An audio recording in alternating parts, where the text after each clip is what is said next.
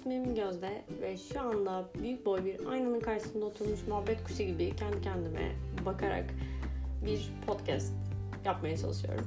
Bu podcast'i artık yapmak zorundayım. Bu benim için bir keyfi bir karar olmaktan çıktı. Bir zorunluluk haline geldi. Çünkü ben çok konuşuyorum ve çok konuştuğum için insanlar sanıyor ki konuşmakla ilgili olan her şeyi ben tereyağından kıl çeker gibi kolay bir şekilde yaparım.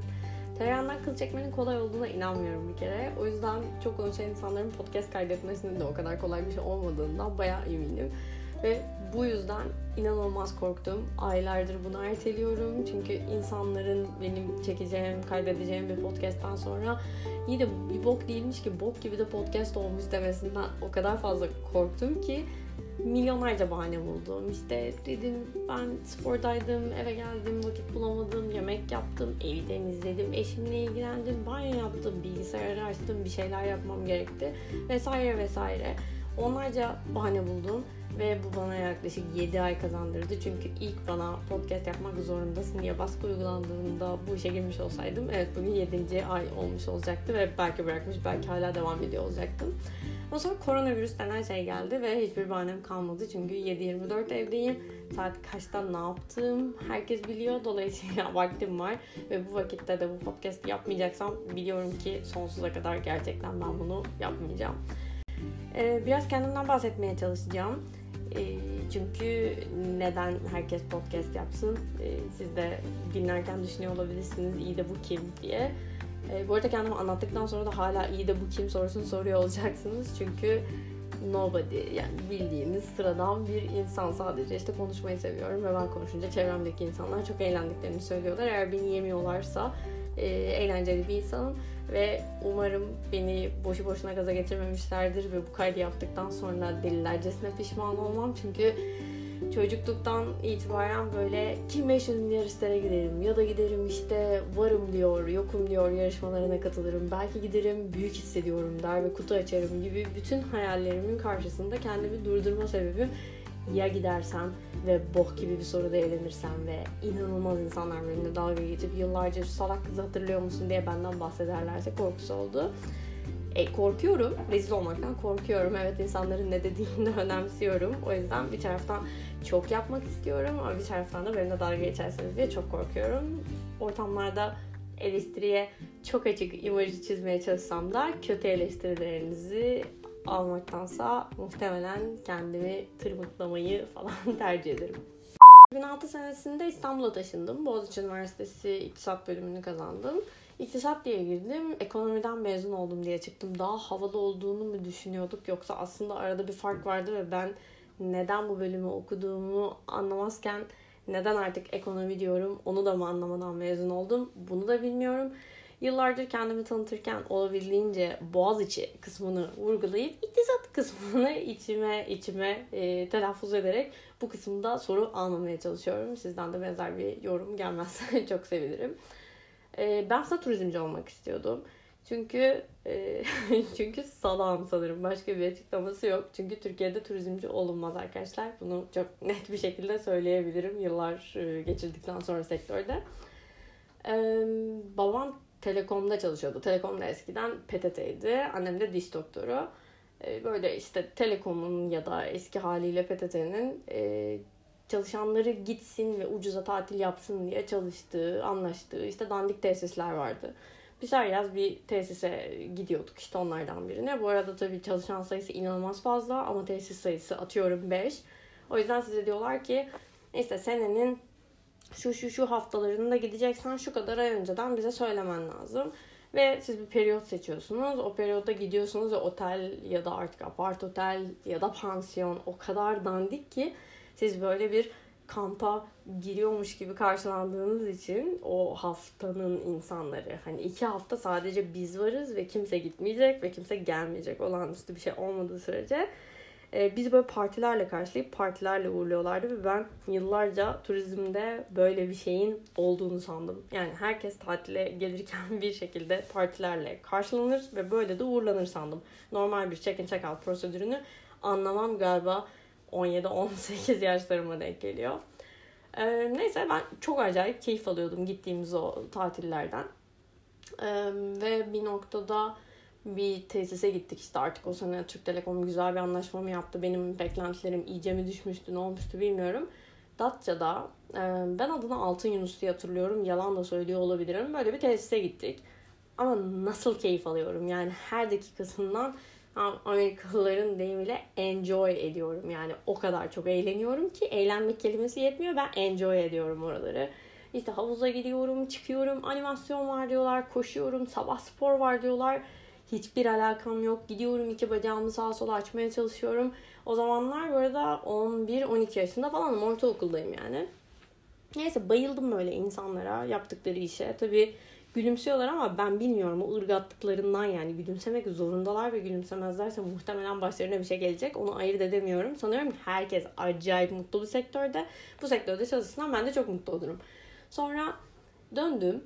Ee, işte ortaokuldayız her sene tabii konuşuluyor. İşte sen büyüyünce ne olacaksın? Peki sen ne yapacaksın? Vesaire.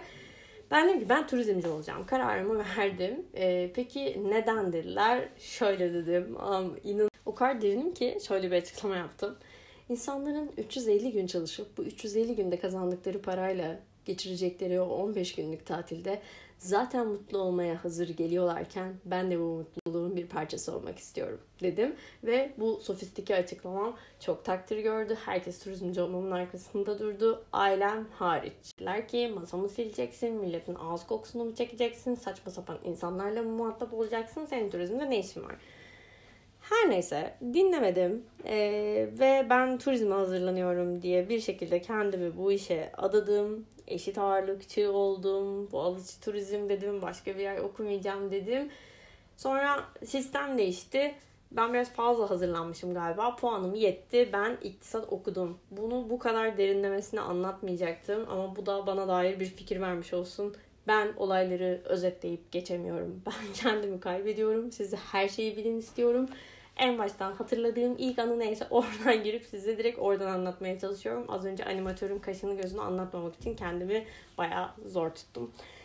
Mezun olduktan sonra The Marmara'da çalıştım. The Marmara'dan sonra başka bir otelde çalıştım. Şimdi de bir şirkette çalışıyorum. Bu şirketin adını hiçbir podcast bölümümde yanlışlıkla ağzımdan kaçırmamaya çalışacağım. Çünkü sırf podcast yapacağım. Sırf Allah'ım konuşuyorum ve ne kadar eğleniyorum konuşmaktan derken var olan işimi, ekmek kapımı kaybetmek istemediğim için şirketin adını telaffuz etmemeye çalışacağım. Bu da benim en büyük challenge'ım olacak.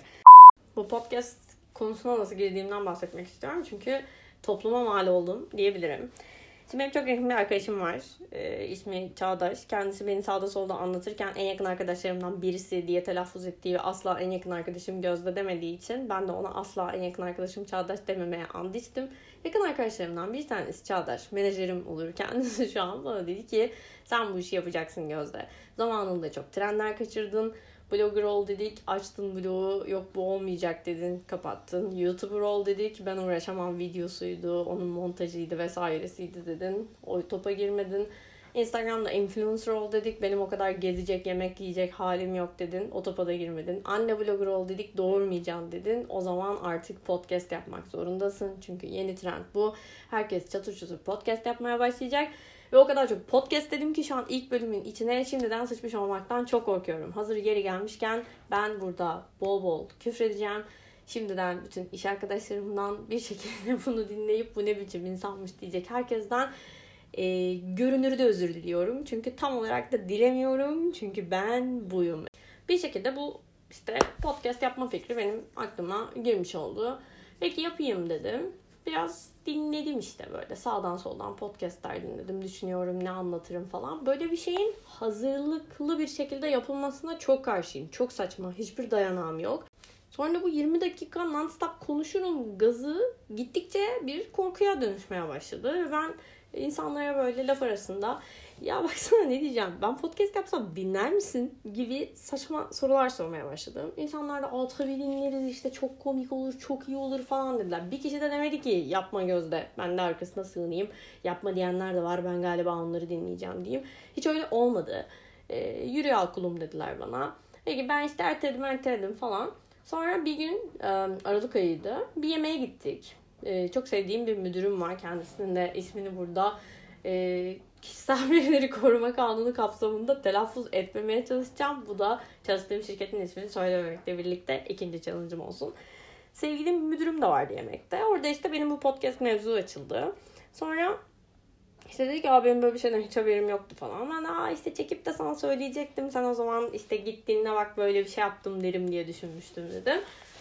Geçti bu konu. Sonra e, sonraki gün dedi ki bizim ofisimiz bu arada bir açık ofis.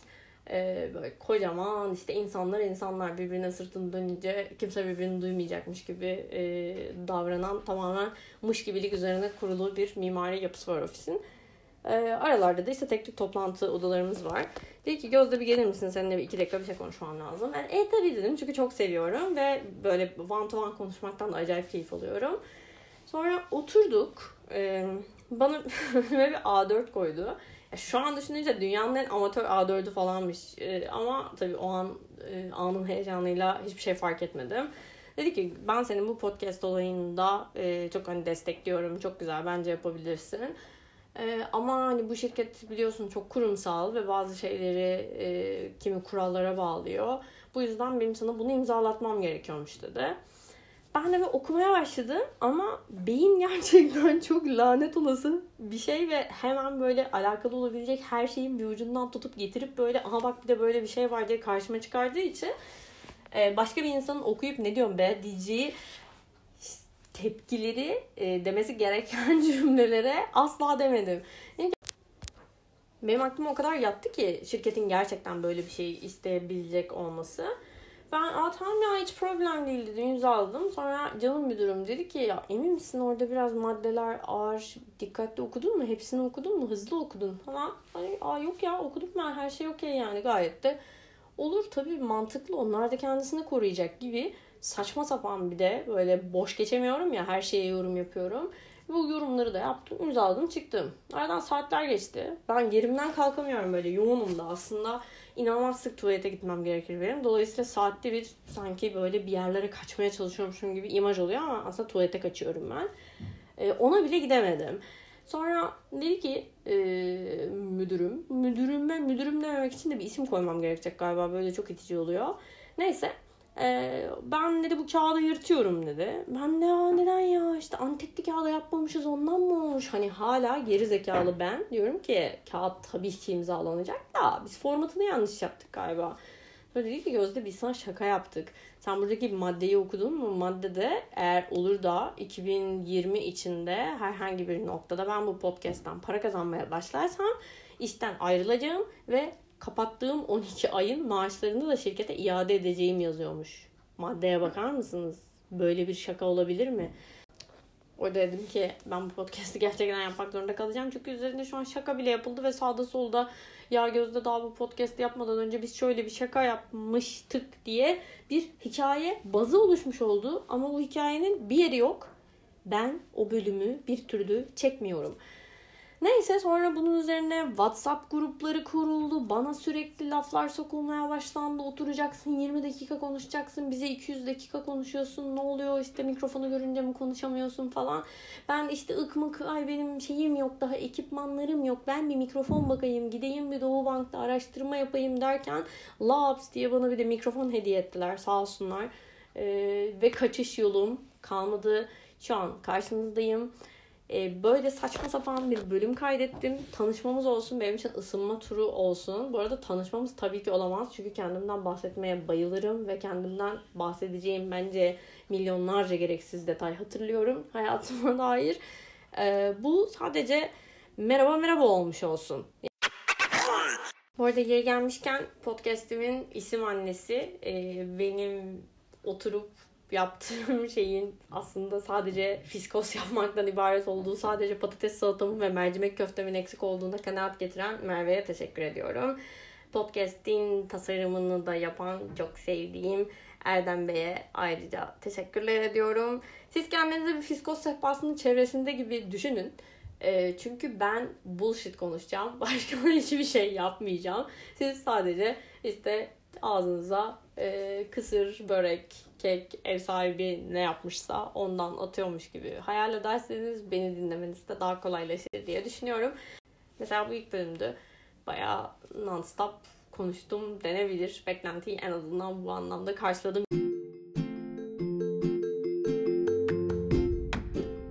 Daha içi dolu bölümler yapmaya çalışacağım ama içi dolu çok subjektif. Kime göre? Bana göre.